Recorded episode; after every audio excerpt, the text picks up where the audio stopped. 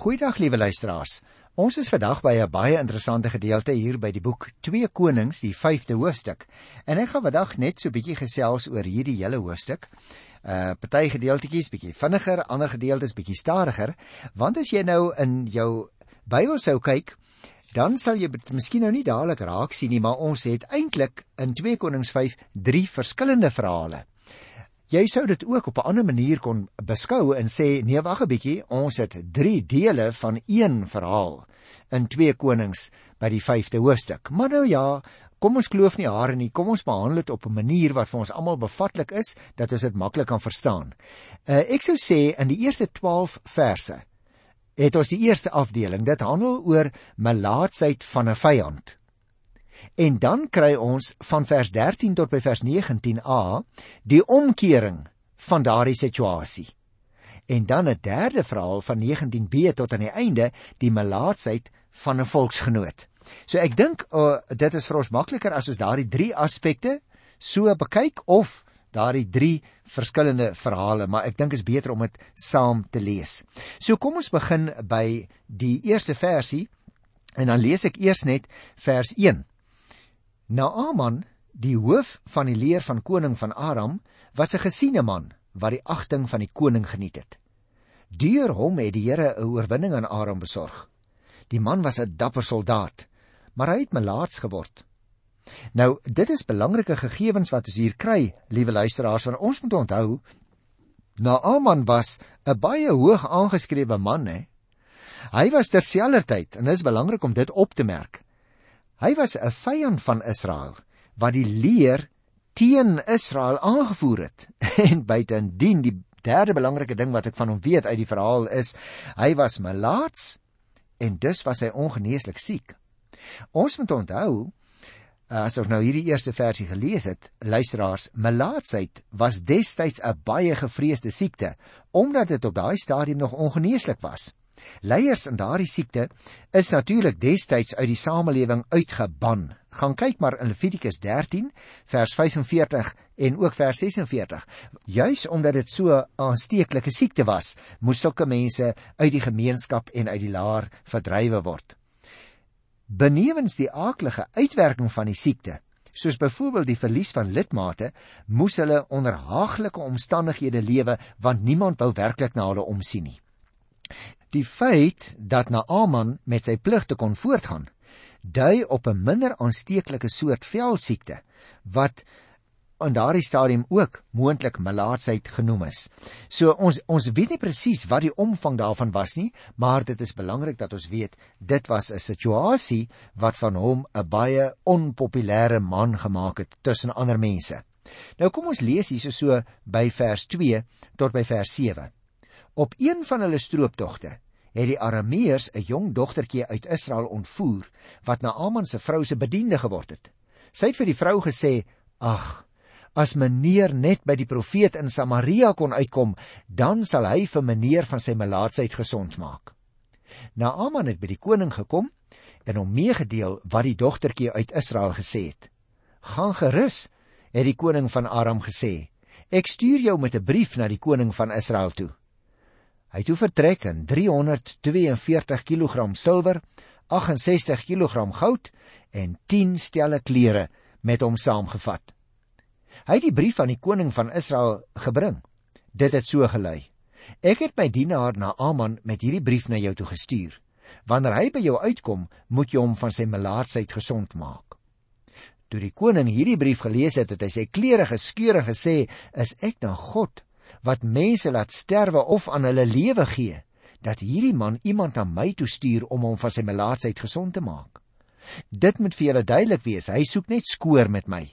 Nou ek kan dit nogal verstaan wat ons hier lees, liewe luisteraar, maar jy sien, in hierdie paar verse word twee kontraste vir ons baie duidelik getrek. 'n Befaamde held aan die een kant, maar hy's ongeneeslik siek teenoor 'n nederige Israelitiese slavinnetjie wat uiteindelik die enigste hoop op herstel bied.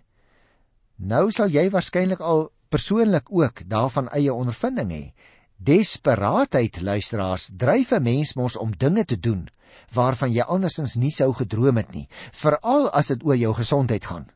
Daarom reageer Naaman en hy gaan met sy koninklike diplomatieke brief na die koning van Israel toe om hulp te soek. Die ander kontras wat ek hier opmerk is, die koning van Israel neem eintlik aanstoot. Want hoe kan hy genees? vra hy vir die mense rondom hom. Die radelose koning staan dus in sterk kontras teenoor die slawe dogtertjie wat wel raad weet. Met die twee kontraste word die kinderlike geloof duidelik vir ons beklemtoon.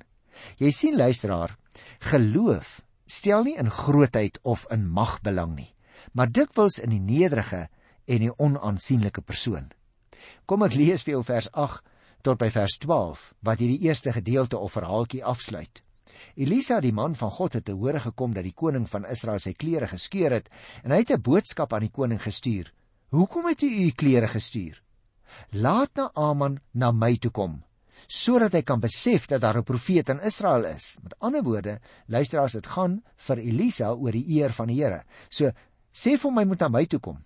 Vers 9 sê vir ons toe Naaman met sy wa en perde daar aankom, het hy stil gehou voor die deur van Elisa se huis. Elisa het 'n boodskap na hom toe gestuur: "Gaan was jou 7 maal in die Jordaan, dan sal jy gesond word en rein wees." Naaman het vererg weggery en gesê: "Ek het daarom gedink hy sou ten minste uitkom in die naam van die Here sy God aanroep, dan sy hand heen en weer oor die plek beweeg sodat die melaatsheid kan weggaan." Is die riviere van Damaskus, die Abana en die Parpar nie beter as die waters van Israel nie? kan ek my net maar daarin gaan was om rein te word nie. So het hy woedend daarvandaan teruggery. Jy sien Elisa se aanbod om hulp is nie bloot om menslikheidsredes nie, hoor. Dis 'n teken aan die koning van Israel dat God deur sy profeet nog steeds werksaam is. Wonderwerke, soos natuurlik ook die van die Here Jesus, het altyd 'n getuienis karakter gedra en dit is nooit bedoel om opspraakwekkend te wees nie. Ek het die vorige keer in die vorige program ook vir jou daarop gewys. Daarom verwerdig Elisa hom nie eintlik om uit sy huis te kom nie wanneer die hoë besoeker daar aankom nie. In plaas daarvan om volgens die gebruike van die omringende volke die siekte met allerlei rituele te besweer, gee hy na Aman 'n baie eenvoudige opdrag wat hy elders moet gaan uitvoer sodat die genesing nie aan die persoon van die profeet of aan towery gekoppel kan word nie, maar dat God self die eer sal kry. Nou dadelik vol verontwaardiging weier na Aman om hierdie toets van gehoorsaamheid en van nederigheid af te lê. So dit is die eerste toneel. As jy wil kan ons ook sê dit is die eerste verhaal. Nou gaan ek so 'n bietjie verwys na die tweede een en dan gaan ek eers oor hoofs met hulle praat voordat ek by die derde verhaaltjie kom. Hier in vers 13 tot by vers 19a kry ons dan die tweede verhaal of die tweede aspek van dieselfde gebeurtenis, beskou dit soos jy wil. Kom ek lees dit vir jou. Sy amptenare het by hom gekom en mooi met hom gepraat. Meneer sê hulle, as die profeet iets moeiliks van u verwag het, sou u dit dan nie gedoen het nie? Hoeveel te meer nou dat hy eenvoudig vir u gesê het: "Was jou en jy sal rein wees." Toe het Naaman afgegaan in die Jordaan toe om 7 keer daarin gebad, soos die man van God gesê het, en sy vel het gesond geword soos die van 'n klein seentjie en hy was weer rein. Hy en sy hele gevolg het teruggegaan na die man van God toe. Daar aangekom, het Naaman voor die man van God gaan staan en gesê: "Ek weet nou daar is net een God op die hele aarde dit is in Israel. Aanvaar asseblief hierdie geskenk van my. Maar Elisa het gesê, so seker as die Here leef in wie se diens ek is, ek sal dit nie aanvaar nie. Nou Aman het by Elisa daarop aangedring om dit te aanvaar, maar hy het bly weier. Toe sê na Aman: As u dan nie iets wil hê nie, wil u nie asseblief my twee muilvragte grond laat kry nie. Daarop wil ek brandoffers en ander diereoffers bring net aan die Here nie langer aan enige ander god nie. Daar is net een ding wat die Here my asseblief moet vergewe, as my koning na die tempel van Rimmon toe gaan om te aanbid en ek hom moet vergesel. En ek kan dan in die tempel van Rimmon aanbid wanneer hy daar aanbid nie. Mag die Here my dit vergewe. So jy sien hier is dus ook 'n konkrete praktiese probleem wat vir hierdie man ontstaan. Hy sê ek is nou genees van nou af gaan ek die God van Israel dien, maar ek het 'n probleem as my meneer, as my heer ingaan in die tempel van Rimmon om die afgod te aanbid, dan kan ek nie eintlik weier nie, want ek is sy knegg. Nou wil ek eers, liewe luisteraars, hierdie twee verhale saambind. Uh as dit ware vir myself afvra wat beteken dit? Want jy sien, ons kry hier baie kere soos in hierdie verhaal, ook in ons eie lewens, twee pole wat nooit kan ontmoet nie. En ons lees dit ook in hierdie verhaal. Aan die een kant die ryk generaal teenoor die arm profeet. Daarom het ek vir jou gesê ons kan eintlik hier praat van die groot kontraste in ons hele program vandag.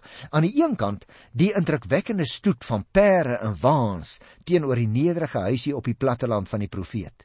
Aan die een kant baie knegte en dienaars teenoor een knegg, arme ou Gehasie, die enigste knegg van sy heer die profeet. Die kloof kan eintlik nooit oorbrug word tussen hierdie pole nie sou ons sê. Maar luister nou liewe luisteraar as ek hierdie twee verhale kyk, tussen hierdie twee pole, oor hierdie kloof heen, kom daar 'n brug. Die onverenigbare word saamgebind, aan mekaar voorgestel. Het jy opgelet? Deur 'n klein dogtertjie. Die jong slavin wat vloere vryf en wat klere regsit. God doen 'n wonderwerk in die lewe van 'n heidense generaal wanneer hierdie kind begin bely wie die Here is. Meer nog, die Bybel wys vir my in hierdie gedeelte hoe God 'n mensekind se lewe kan omkeer wanneer 'n gelowige dogtertjie in diens van die Here as 'n getuie begin optree. Wil jy ook weet hoe God almagtig vir jou kan gebruik om ander te red selfs? Hoe jy 'n brug kan word waaroor mense kan stap terug na die Here toe. Mag ek vir jou 'n vraag vra? Wil jy nie die hand van hierdie dogtertjie vat om 'n brug vir jou koning te word, Jesus Christus, aan ander mense voor te stel nie?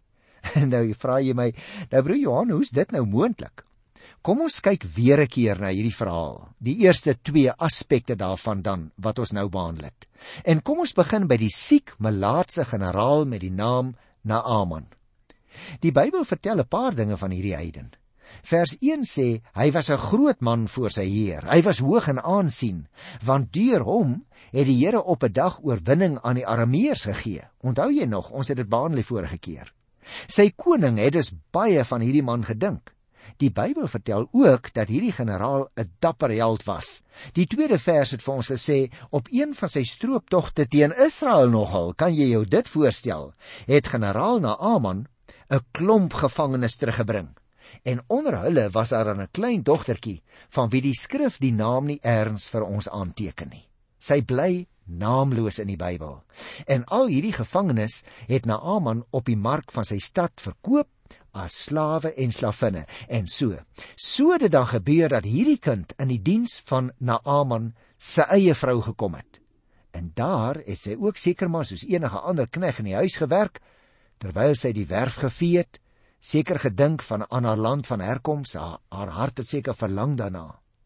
Haar heer, Naaman, het voortgegaan met sy werk in die leer. Die koning het so baie van hom gedink dat hy direkte toegang gehad het tot die troonsaal. So kan jy sien in vers Hy kon met die koning praat en sy geheime deel soos geen ander soldaat of owerste in die hele koninkryk nie.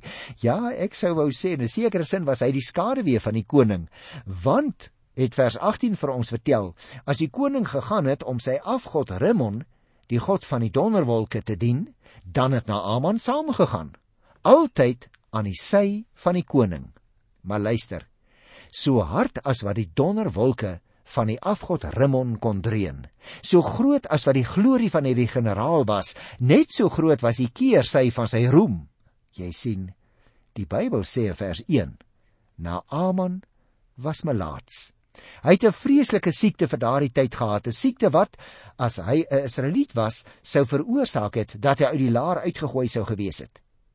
Menige dag kan ek my voorstel, het hy seker 'n wanhoop voor die altaar van sy afgod neergeval en het hy gesmeek om genesing van sy verskriklike siekte. Nogtans, teenoor die siek generaal Naaman, was die dogtertjie selfs minder as enige een van jou en van my.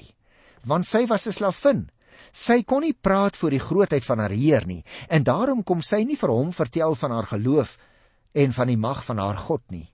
Maar op 'n goeie dag, terwyl sy en haar meesteres alleen in die huis was, sê sy in die 3de vers: "Ag, was my heer maar net by die profeet wat in Samaria is."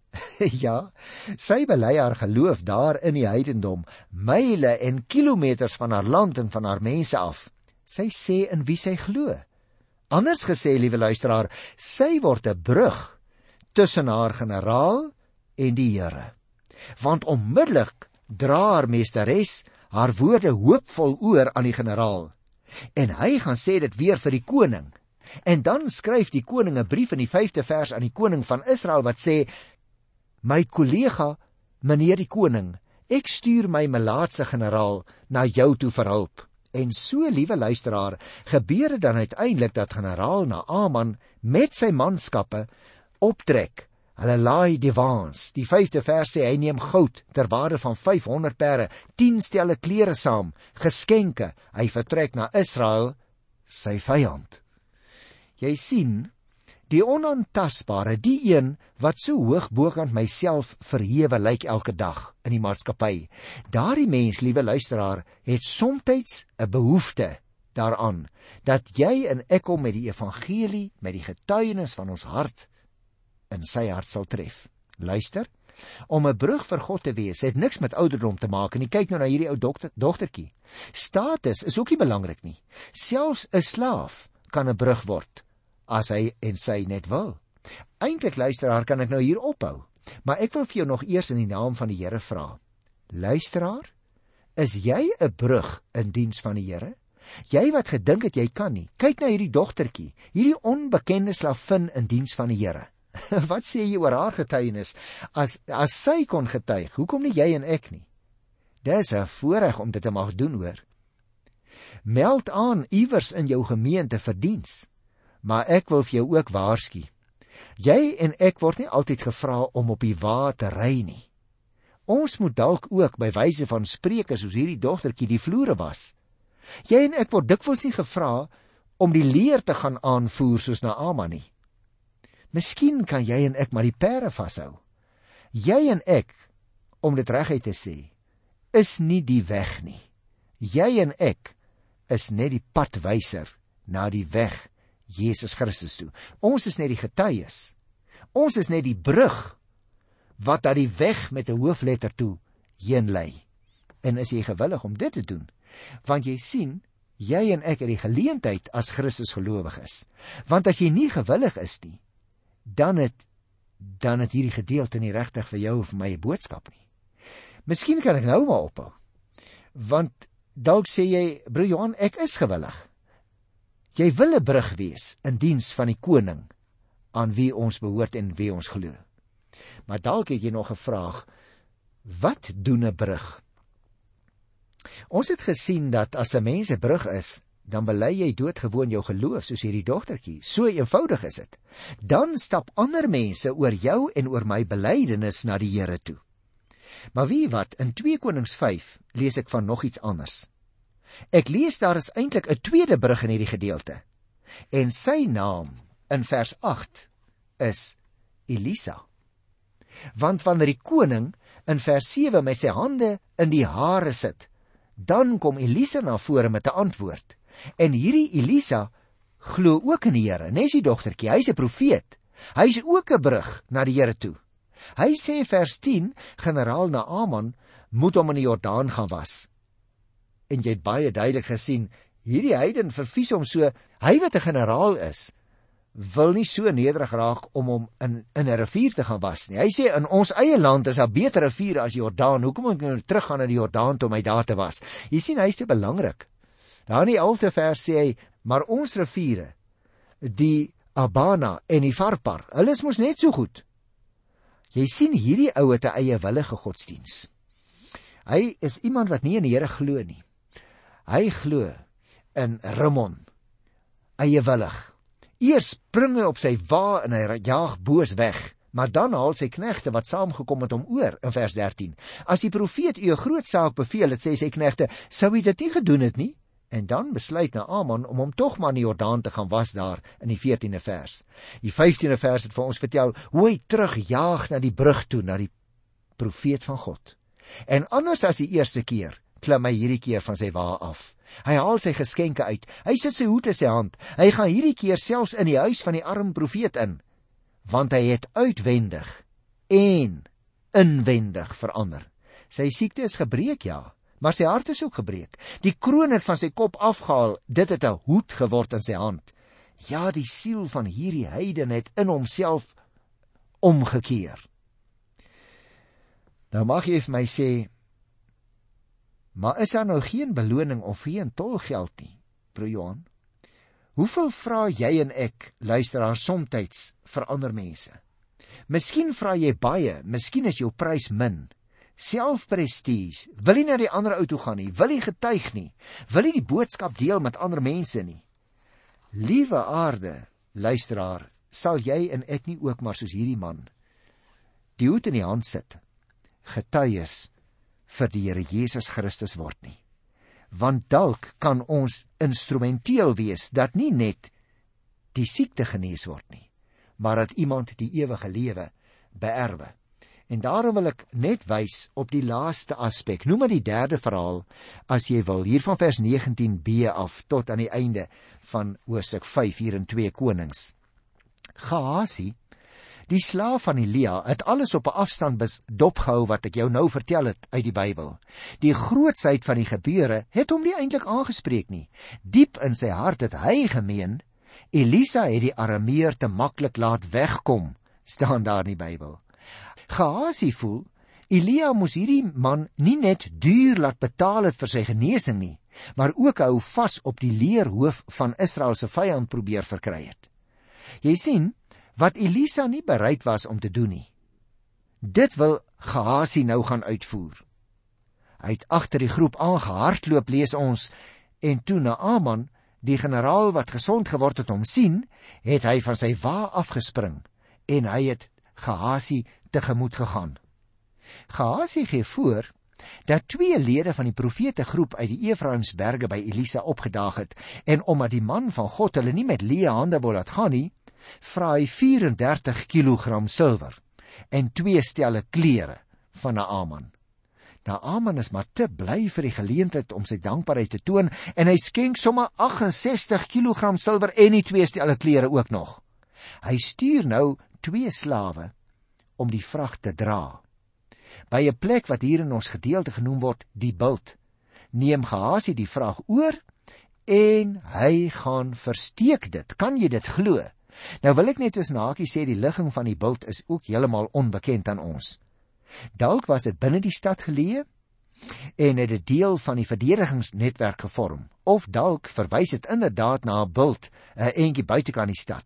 Die punt is op Gehasie se leuen in vers 25 antwoord Elisa dat hy in die gees by Gehasie was toe alles gebeur het. Hy verwyd nou sy slaaf dat hy die silwer wou gebruik om grond en vee en slawe te verkry.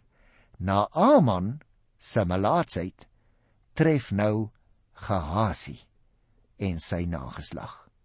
Volgens Dessy se denke het die familiegroep 'n een eenheid gevorm en wat met die een gebeur met ander woorde wat met Gehasie gebeur, dit het ook ander ten diepste getref ook sy nageslag is getref.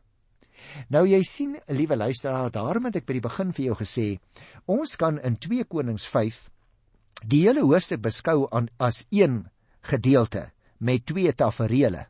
Of ons sou kon sê hier is eintlik 3 verhale. Maar ek wil nou nie hare kloof oor hoe ons dit wil beskou en indeel nie. Het jy opgemerk die teenpool wat telkens in die verhaal geskets word? mense wat die Here dien en wat diensbaar word nie net aan die Here nie maar ook aan medemense ongeag of dit medemense is wat gered word of nie die geredde mense naamlik die klein dogtertjie en die profeet Elisa word instrumenteel in die hand van die Here teenoor die wat ongered is ek wil dag vir dag vir jou vra is jy ook so 'n brug tussen die Here en 'n ongeredde persoon? Is jy bereid om nederig te word? Is jy bereid om diensbaar te wees? Is jy bereid om jou getuienis te laat klink? Want wie wat? Die Here onsse God wag vir elke ander mens met oop arms. Ek groet jou in sy wonderlike naam tot volgende keer. Tot dan. Totsiens.